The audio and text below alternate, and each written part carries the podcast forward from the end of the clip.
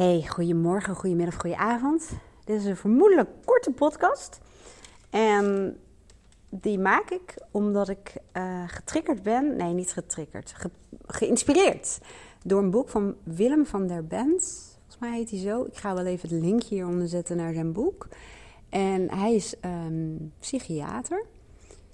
En ik kwam hem tegen volgens mij op Instagram bij weet ik veel, een podcast van Oersterk of zo. Ik heb de hele podcast niet geluisterd, maar iets in het berichtje trok mij aan. En ik ben verder gaan kijken. Ik dacht, hé, hey, het boek heet volgens mij Voel je beter. En ik voelde gewoon een klik met die man. Ik dacht, ik ga het boek downloaden, luisterboek. Um, ik doe dat in mijn ochtendroutine. Dan luister ik naar een uh, audio van een online programma bijvoorbeeld. Of een podcast of uh, een, een, luisterboek in dit geval. En ik dacht, ik ga gewoon luisteren. En het gaat heel erg over energiemanagement. en dat is iets waar ik in mijn praktijk heel veel mee werk. Vooral in burn-out uh, trajecten. Want um, afhankelijk van hoe groot de burn-out klachten zijn, hoe lang zal het duren en hoe iemand in zijn energie zit, is het voor mij nou altijd belangrijk dat we eerst aan het werk gaan met een basis bouwen. Dus een basis, een energiebasis.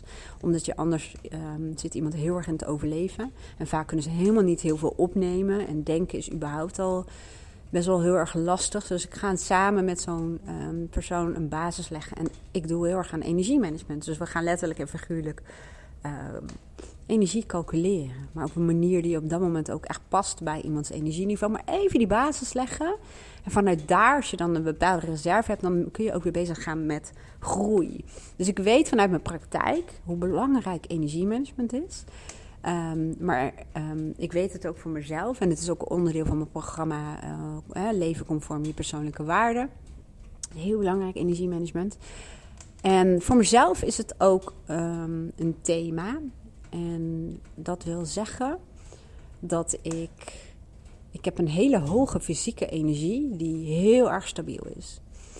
En mijn mentale energie daarentegen is veel, ja, ik noem het even dunner. Ik noem het dun omdat ik een vriendin, Maaike Avrink, die is acupuncturist en heeft Chinese geneeskunde gestudeerd. Um, die kan ook een polsdiagnose doen en een tongdiagnose, maar dit gaat over een polsdiagnose. Nou heb ik ook best wel dunne polsen. Maar zij zei ook van dat mijn basisenergie gewoon best wel dun is. Dat ik heel erg lang heel veel op wilskracht heb gedaan. Heel erg vanuit het hoofd, om het zo te zeggen. En ik zeg zelf altijd, wilskracht is als het ware vaak geleende energie. Dan denk je dat je energie hebt, maar in essentie ben je een beetje roofbouw op jezelf aan plegen. Niet altijd, hè, voor de goede orde. Maar wat wil ik daar nou over zeggen? Oh ja, dus ik heb een hele hoge fysieke energie. Maar ik verbruik veel energie op een dag met mentale processen. Dat heeft ook vaak te maken hè, met, dat, laat ik het zo zeggen, dat zie je wel vaak bij mensen met een hoog uh, sensitief brein, hè, of hoogsensitieve kenmerken, of hoogbegaafdheid. Uh, creatieve breinen hebben dat bijvoorbeeld ook, hè, of de denkers, noem het maar op. Um, ja, die nemen vaak heel intens waar en die hebben een wat dunner filter en hele diepgaande informatieverwerking vaak een heel associatief brein. Dus um, als je ergens een, een, prikkel of een trigger, hoe je het noemen, hebt, dan uh, gebeurt er van alles in het hoofd. Uh, vaak betrokken. Nou, dan in mijn geval um, verbruik ik best veel mentale energie. En nou heb ik met mijn eigen energiecalculatie mijn leven zodanig ingericht dat ik um, ja, dat heel goed gecalculeerd heb. Wat fantastisch is. Dat sowieso. Alleen wat ik bedoel met dat het dun is, hè, of dun is niet het goede woord, maar um, ja, wat ik al zei, mijn fysieke energie is zo hoog. De basisenergie is ook heel hoog. Dus de veerkracht is uh, groot. Zoals die Willem van der Bent dat ook zegt. Het gaat ook over veerkracht. Dat um, wat ik ook doe met mijn lichaam, hoe ik me ook inspan, ik herstel gewoon super snel. En ik hou die hoge energie. En ik merk het zelfs ook met, ik ben vorige week met de um, ijsel van de trap hier afgestuiterd, behoorlijk. Het was echt bont en blauw. Maar het herstelt binnen een paar dagen. En ik ben zo weer eigenlijk, um, ja, gewoon weer lekker bezig. Ja, toen ging ik alleen twee dagen later, viel ik binnen ook nog een keer van de trap. Maar goed, dan herstel ik snel. En mijn energie is gewoon hoog. Maar mentaal is bij mij slaap. En dan gaat het over de kwaliteit van slaap en de duur van mijn slaap. Die twee, als die goed zijn, ach man, dan kan ik de hele wereld aan.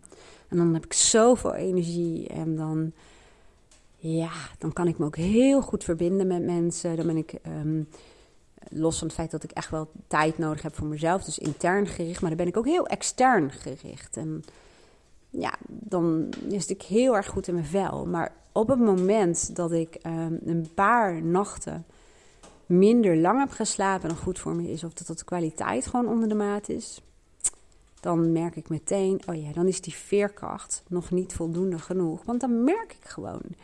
Dan uh, raak ik echt geïrriteerd, gefrustreerd, omdat ik denk, hey, gadverdamme, slaap is zo belangrijk voor me. En, nou, en dan ga ik dus wel calculeren, want dan ga ik voor mezelf wel bepalen, wat is deze dag gewoon echt belangrijk. Dus dan ga ik heel bewust om met mijn energie. Maar ik vind het niet leuk omdat um, energie in overvloed natuurlijk betekent dat je nog steeds keuzes maakt. Misschien zit daar trouwens ook wel een lesje voor me, nu ik dit hardop aan het praten ben. Maar goed, dat is even voor later. Maar in elk geval, ik zei dus, dan moet je nog steeds keuzes maken. Nu heb ik echt een mega inzicht.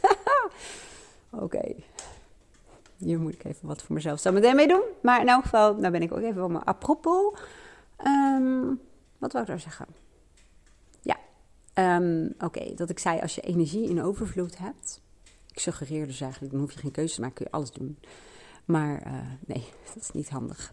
Maar dan uh, hoef je niet zo te calculeren, daar hou ik niet van. Dan heb je echt alsof je, ja, net als dat je tank, uh, dat je niet kan tanken een hele lange tijd. Dat je echt even na moet denken, ja, tot waar kan ik komen? Of tot waar moet ik heen? Of, of welke Um, hoeveel gas ga ik geven om daar te kunnen komen? Dus dat je in moet houden. Misschien is dat het wel. Inhouden. Ik wil niet inhouden, blijkbaar. Goed. Weet je, dit is bewustwording. Hè? Nu ben ik dus los. Uh, ja, wat wou ik nou zeggen? Maar in elk geval echt eventjes dat ik denk: oké, ik snap wel een beetje hoe dingen gaan, dus bij mij nu. En waar het misschien ook wel de, ja, de knoop zit. Ik weet niet hoe ik het moet uh, verwoorden. Maar goed, dat even terzijde, want daar heb jij natuurlijk even helemaal geen ruk aan, aan, mijn innerlijke procesje en mijn inzichten. Maar um, ja, ik had het over die energie in overvloed en mentale energie. En als je dan slecht slaapt hè, of te weinig slaapt, dan dondert dat gewoon in elkaar. En dan word je gefrustreerd en noem het allemaal open en moet je calculeren. Daar was ik gebleven. En ik slinger mezelf wel weer op de hoogweg terug. En um, nou, ik had het natuurlijk over het boek van Willem. En um, op een gegeven moment, dat wil ik namelijk even met je delen. Ik ben nog helemaal niet ver in het boek hoor, maar uh, dit waren wel twee inzichten. Want de afgelopen tijd slaap ik ook minder lang dan dat ik zou willen. En de kwaliteit is af en toe verstoord. En je zou kunnen zeggen, oké, maar daar kun je wel wat aan doen. Dat klopt. Maar het grappige is, ja, ik vind het helemaal niet grappig. Maar de afgelopen weken dus, was het steeds wat anders. Ik zal je even een paar dingen noemen. En uh, dan, dan raak ik ook echt even een soort van gefrustreerd. Maar ik weet ook, je hebt altijd een keuze. Je hebt altijd ergens invloed. En doe je dat niet, dan, dan, dan word je een soort van slachtoffer. Nou, het begon bijvoorbeeld met een avond dat Lucas zei van... ik wil um, beneden in de woonkamer slapen, lekker bij de diertjes en de open haard. En uh, blijkbaar was Dex, onze hond, even van slag. En die ging midden in de nacht meerdere keren uh, in de gang lopen drentelen. En duwde bij onze slaapkamerdeur open. En kwam die even, ja, ik weet niet wat hij aan het doen was, maar hij kwam even langs. Wij slapen namelijk op de benedenverdieping en Lucas slaapt op de bovenverdieping normaal gesproken. Dus. dus wij slapen op dezelfde verdieping als waar de dieren zijn. Die zijn in de woonkamer meestal, maar die was in, aan, de wandel. Nou, en een volgende dag, um, dat is de open haard die je hoort trouwens ging de uh, ketel om half vijf um, s ochtends uh, heel veel lawaai maken. En die, we hebben uh, het huis onderkelderd. En de ketel zit op de plek waar wij boven slapen, om het zo te zeggen. Dus dat hoorden we. de volgende dag was Luca op pad geweest en laat thuis.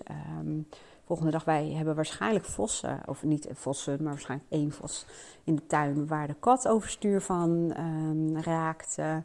Uh, Aaron is ook gevallen met uh, de IJssel en die heeft zijn ribben gekneusd en die heeft s'nachts best wel wat pijn. Dus die ging ook draaien en eruit. En um, eergisteren was de hond ook om tien over één wakker. En het zijn allemaal van die externe dingen. En dan, ik zou tegen Aaron van, ik heb niet een slaapprobleem. Alleen er zijn externe dingen waardoor mijn slaap verstoord wordt, om het uh, even zo te zeggen. Dus dat eventjes over mijn slaap. En als dat dan dus in dit geval drie weken, meerdere keren per week gebeurt, dan merk ik dat gewoon. En nou heb ik het geluk dat ik heel veel tijd, um, de, nou ja, al sinds een langere tijd, veel tijd reserveer voor mindshifters. En voor mijn studie. Ik ben uh, nog een verdieping aan het doen. Um, uh, coaching bij leiderschap. Um, leiderschapscoaching. Ik zeg het verkeerd. En dat doe ik al heel erg veel hoor. Maar ik vind het leuk om er nog meer te verdiepen en er nog meer van te weten. En het is een HBO-studie, dus ook al even waar je gewoon wel eventjes met je kop bij moet zijn, om het zo te zeggen.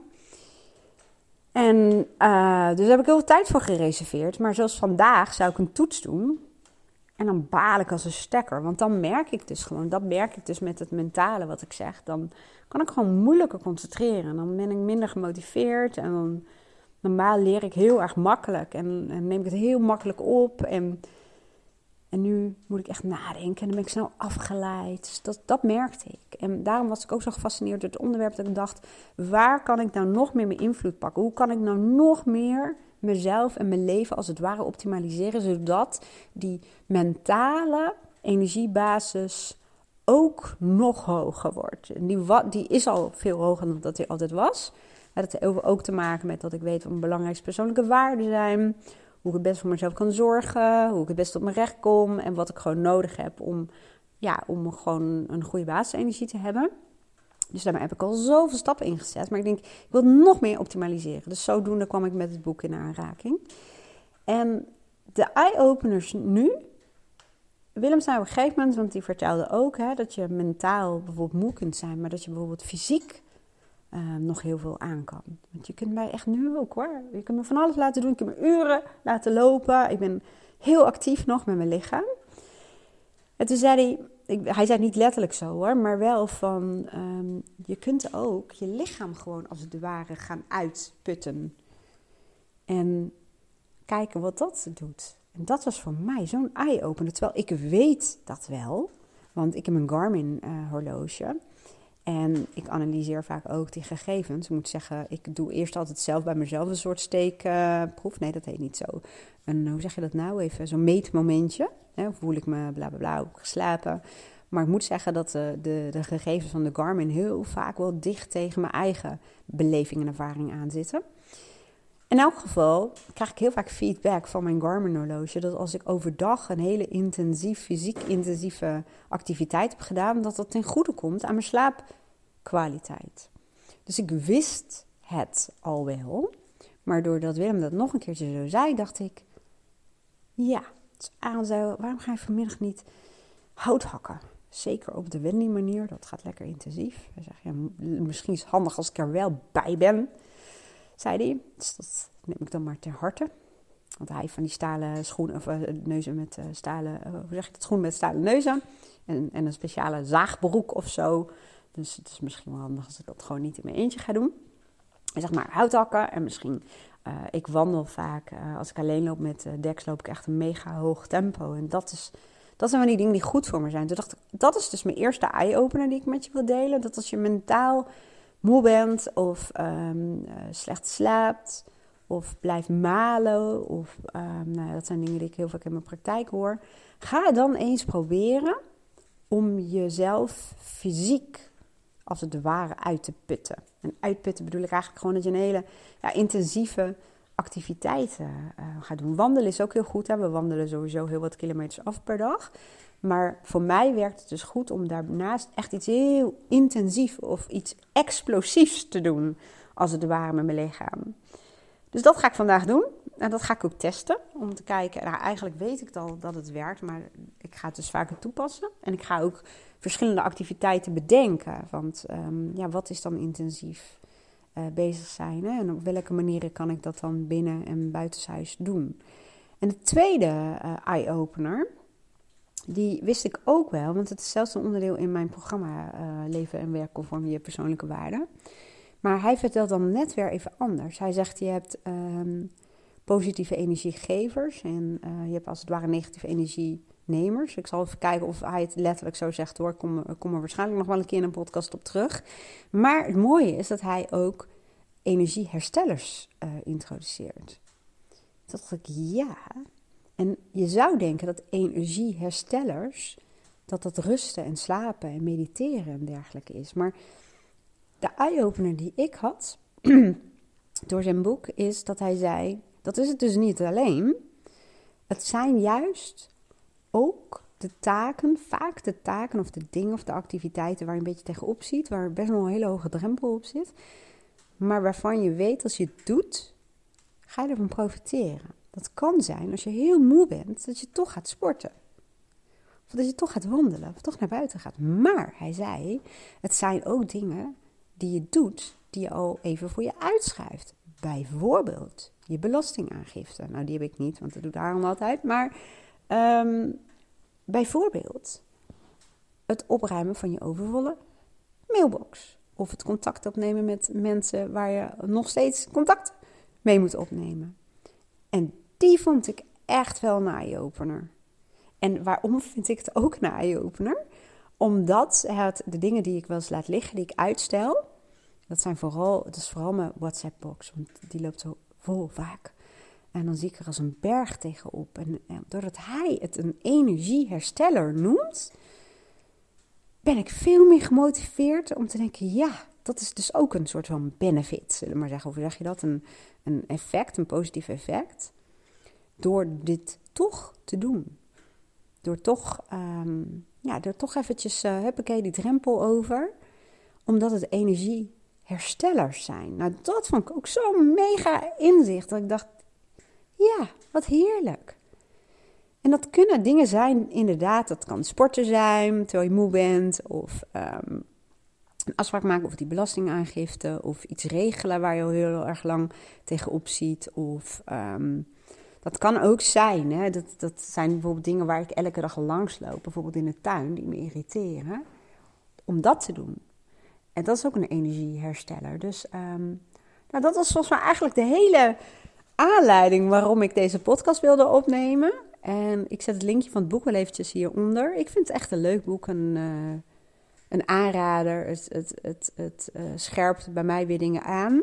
En het uh, zorgt er bij mij voor dat ik de motivatie en inspiratie heb om te denken: oh ja, ik ga twee dingen over doen. Ik ga activiteiten doen waarbij ik echt intensief fysiek bezig ben. En eens even kijken wat voor, dat, uh, wat voor effecten dat hebben. En natuurlijk ga ik kijken wat verder binnen mijn invloedssfeer ligt. Als het gaat om um, ja, goede nachten, goede nachtrust, kwalitatief en kwantitatief, zullen we maar zeggen. Maar ik ga ook eens kijken wat zijn bij mij energieherstellers. Welke dingen stel ik uit bijvoorbeeld en zou ik kunnen doen um, in de wetenschap dat dat dus een energiehersteller is. Nou, ik hoop dat jij daar ook iets van opgestoken hebt. En anders uh, zou ik zeggen, luister of lees het boek van, uh, van Willem. Echt een aanrader. Ik wens je een hele mooie dag en heel graag tot de volgende podcast. Doei doei!